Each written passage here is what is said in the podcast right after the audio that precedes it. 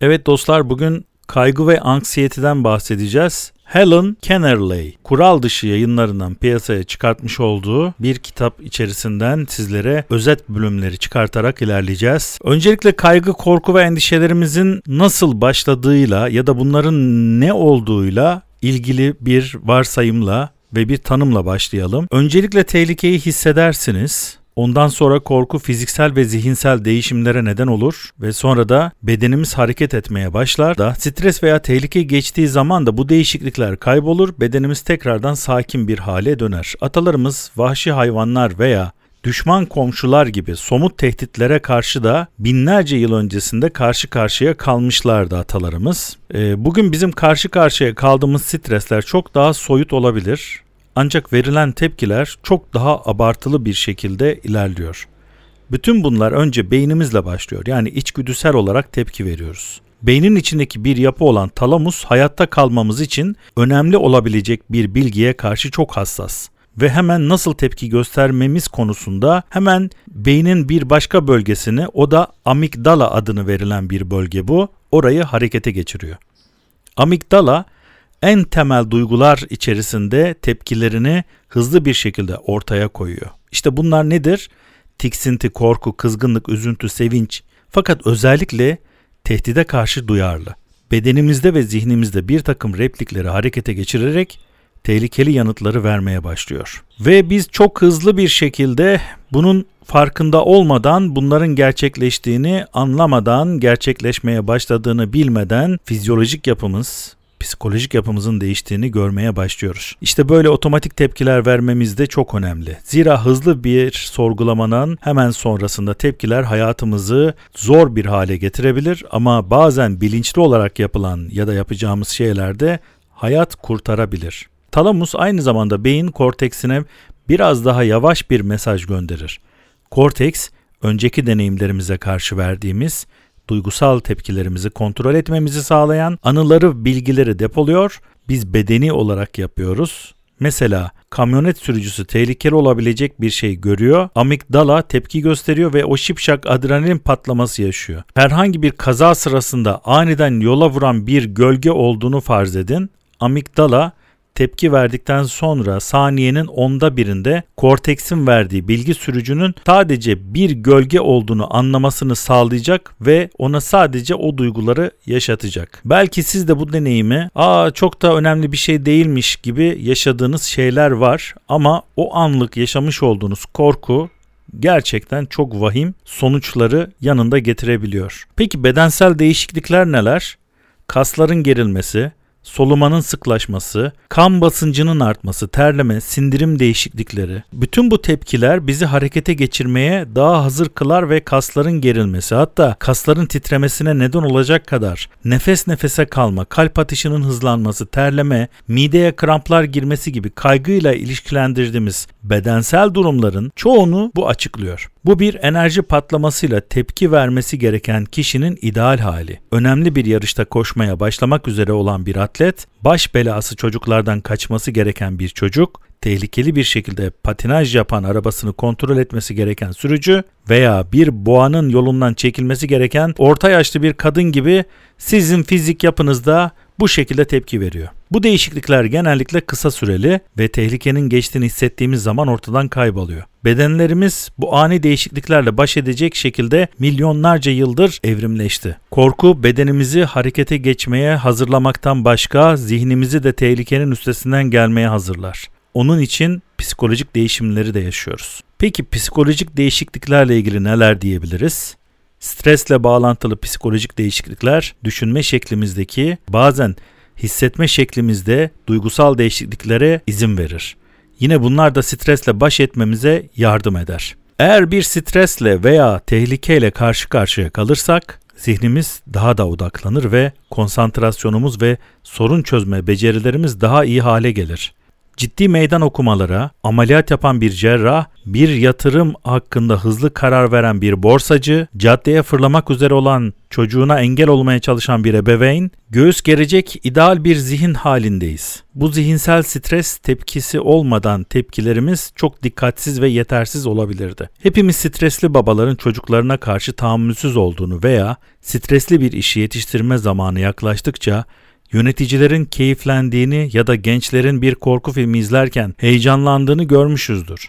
Ayrıca stresli veya travmatik bir deneyim esnasında ve sonrasında kendimizi duygusal olarak uyuşmuş hissedebiliriz. Esas olarak bir tehdit karşısında ortaya çıkan bedensel ve psikolojik değişiklikler hayatta kalma şansımızı arttırıyor. Peki davranış değişiklikleri neler oluyor? Kaçmak, savaşmak, donmak veya dikkatli bir şekilde uyanıklık. Eğer bir ağaç dalının üstüme doğru düştüğünü görürsem bir enerji patlaması yaşar ve kaçmak için yana fırlarım. Eğer araba kullanırken patinaj yaparsam, direksiyonunu tutacak gücü bulursam ki bu da bir savaşma duygusudur.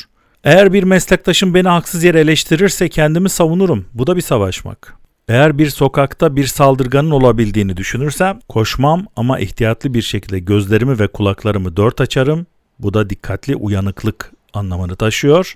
Ve eğer bir toplantıda bana meydan okunacağını hissedersem hazırlıklı olmak için dikkatle meslektaşlarımı izlerim. Şimdi size bunların hayati tepkiler olduğunu hatırlatacağımı biliyorsunuz. Bu davranış değişiklikleri olmasaydı kendimizi bir dalın altında veya kontrolden çıkmış bir patinajın insafına kalmış ya da tehditlere karşı hazırlıksız halde bulabilirdik. O halde şimdiye kadar anlattığımız bu bedensel, zihinsel ve davranışsal tehditler kesinlikle normaldir ve yararlıdır. Hatta hayati olarak da önemlidir. Ama aynı zamanda bir noktaya kadar. Stresle baş etme yetimizin daha çok stres yaşadıkça ya da daha iyi halinin de farkında olmalıyız. Bu sağduyu aykırı görünebilir ama gerçek şudur ki eğer fazla sakin ya da rahat olursak zihnimizi ve bedenimizi harekete geçiremeyiz. Bizi harekete geçirecek strese ihtiyacımız var. Çok rahat bir piyanisti veya profesyonel bir futbolcuyu hayal edin. Bu performanslarını sergilemeleri için iyi bir konum değildir. Zihni odaklanmış ve gerektiği zaman bedeni fazladan bir enerji desteği sağlamaya hazır meslektaşları kadar fiziksel olarak hazır ve zihinsel olarak uyanık olamayacaklardır. Kısa vadede ya da orta vadede size ne kazandırdığına baktık. Şimdi de uzun süreli ve aşırı stresin hayatınıza neler kattığına hemen şöyle bir bakacağız. Hayatımdan ve yarı zamanlı işimden memnundum. Zevk aldığım şeyler vardı. İyi bir ilişkim olduğunu düşünüyordum. Ve bence işimde de iyiydim. Sonra işten çıkarmalar başladı ve hepimiz strese girdik. Başlangıçta durum çok kötü değildi. Çünkü dayanışma halinde birbirimize destek veriyorduk. Fakat zaman geçtikçe stres arttı. Tanıdığım insanlar işten çıkartıldı. Onun için sürekli olarak kendimi işimi kaybetme tehdidi altında hissediyorum ve artık birbirimize daha az destek veriyoruz. Çünkü hepimiz mücadele içindeyiz ve birbirimize vereceğimiz destek, enerjimiz yok. Duygusal olarak bu durum beni bayağı olumsuz etkiledi. Sabah uyandığımda kendimi sinirli hissediyorum ve eskiden olduğu kadar işime odaklanamıyorum. İşte geçirdiğim zamandan keyif almaktan ziyade sadece günün sonunu iple çeker hale geldim. Eskiden çok daha yorgunum ve maalesef daha huzursuz ve huysuzum. Bunun ev hayatımızı etkilemesine izin vermemeye çalışıyordum fakat eşimle bir şeyler yapacak hevesi ve enerjiyi bile bulmakta artık zorlanıyorum. Stres tepkisinin biri fiziksel olarak harekete geçmeye hazırladığı ve zihnimizi önümüzdeki soruna odakladığı için kısa vadede yararlı olduğunu bir önceki konuda gördük. Fakat bunlar strese karşı ivedi ve geçici bir karşılık olarak gelişmiştir. Tehlike geçer geçmez son bulan bu tepkidir. Eğer bu tepkiler son bulmazsa, bu stres tepkisi kronikleşirse o zaman işin seyri değişiyor. O noktada performansımız, baş etme yetimiz kötüye gitmeye başlıyor.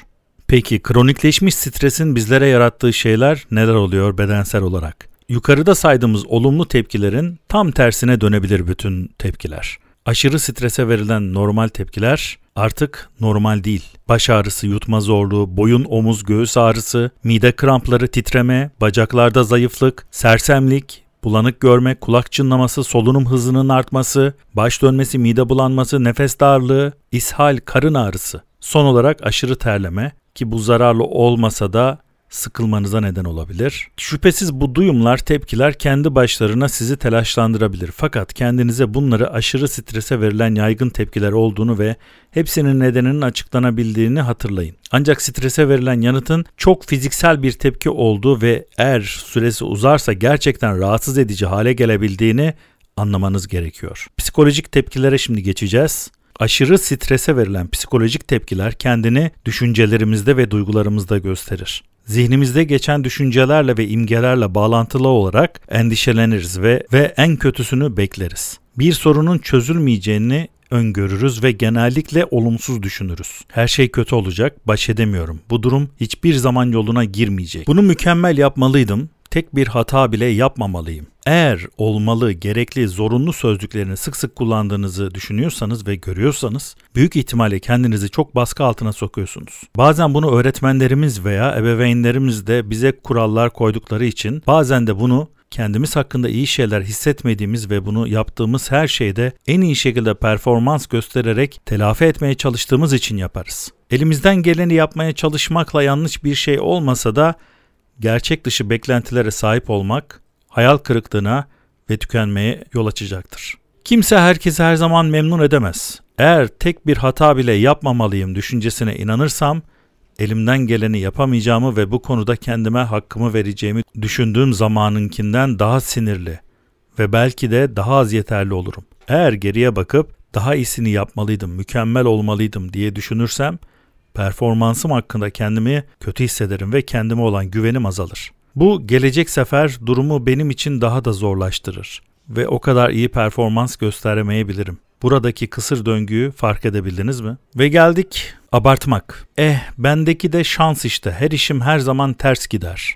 Bu ifadeler hayatımızdaki olumsuz veya kaygı verici şeyleri büyüttüğümüz zamanları gösteriyor. Böylece patronun bir şeyi yapmayı unuttuğunu söylediği zaman bunun anlamını abartabilir, sadece hatırladığım pek çok şeyin arasında bir şeyi gözden kaçırdığımı kabul etmekten ziyade şöyle düşünebilirim.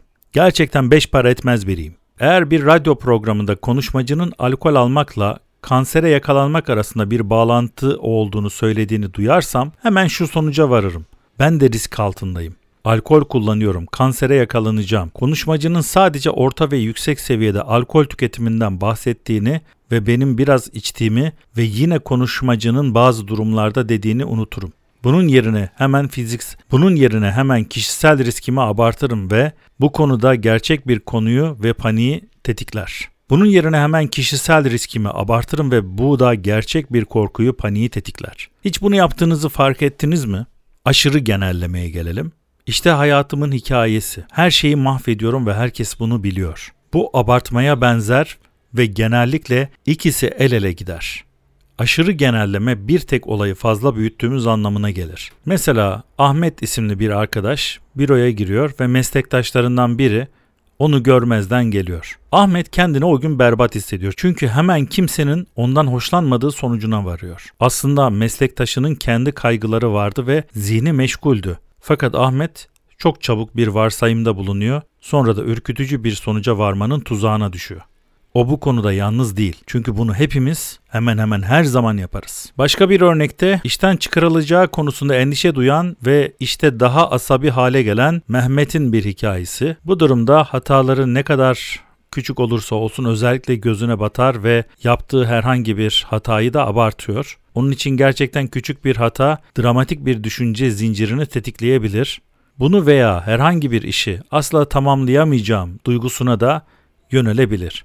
Artıları göz ardı etmek. Bir başka noktaya değinelim. Hiçbir şeyi doğru yapamıyorum. Bir başka yaygın bir tuzak da bu zihnimizin tuzağı.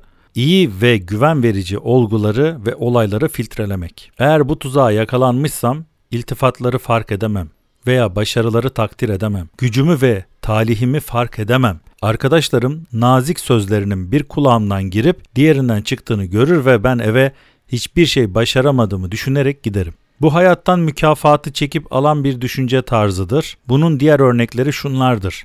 Bir dizi iyi notu görmezden gelip tek bir zayıf nota odaklanan bir öğrenci, hastalarından aldığı pek çok teşekkürü fark etmeyen ve hastanın işini eleştirmesini kafasına takan bir hemşire, saçından memnun olmadığı için görünüşü hakkında yapılan iltifatlara kulak ardı eden bir ergen ki bu örnekleri arttırabiliriz. Bu insanların hepsi artılarını görmezden gelir ve onları abartmayla veya aşırı bir genellemeyle birleştirerek yine burada kısır döngüleri yaratır. Taramak veya korktuğumuz şeyi aramak da sorun yaratan kaygıları harekete geçirebilir. Bunun iki nedeni vardır. Birincisi bu korkutucu bir şeyi görme, hissetme veya duyma olasılığını arttırır. Örümceklerden korkmayan biri örümcek ağlarına, tozlu köşelere veya örümceklere aldırmadan bir odaya girebilir. Ancak örümceklerden korkan biri sürekli tehlikede olup olmadığına bakar ve her bir ağı, köşeyi ya da sürünen yaratığı ona benzetir. Bir örümceğin varlığını akla getiren hiçbir şey gözden kaçmaz ve bu da korkuyu daha kötü hale getirebilir. Aynı şekilde sağlığı konusunda kaygılanmayan biri genellikle ağrılara, acılara ve ufak tefek rahatsızlıklara çok üstünde durmadan katlanabilirken sağlığı konusunda korkuları olan kişi aynı fiziksel duyumsamaları hemen fark eder. Bunları kafasına takar ve ciddi rahatsızlıklarının olduğunu düşünür. İkincisi tarama yaparken yanlış alarm olasılığını arttırır. Örümcek fobisi olan biri için halıdaki bir kabarıklık örümcek, duvardaki bir çatlak örümcek ağı sanılabilir. Bunu bir an için düşünün. Sizin de taradığınız şeyler var mı? Belki düşmanca bir yüz, temiz olmamanın işaretleri, uçaktaki tuhaf sesler, buna benzer şeyleri düşünebilirsiniz. Kaygı ve anksiyeteden bahsetmeye ikinci bölümde devam edeceğiz. Görüşmek üzere.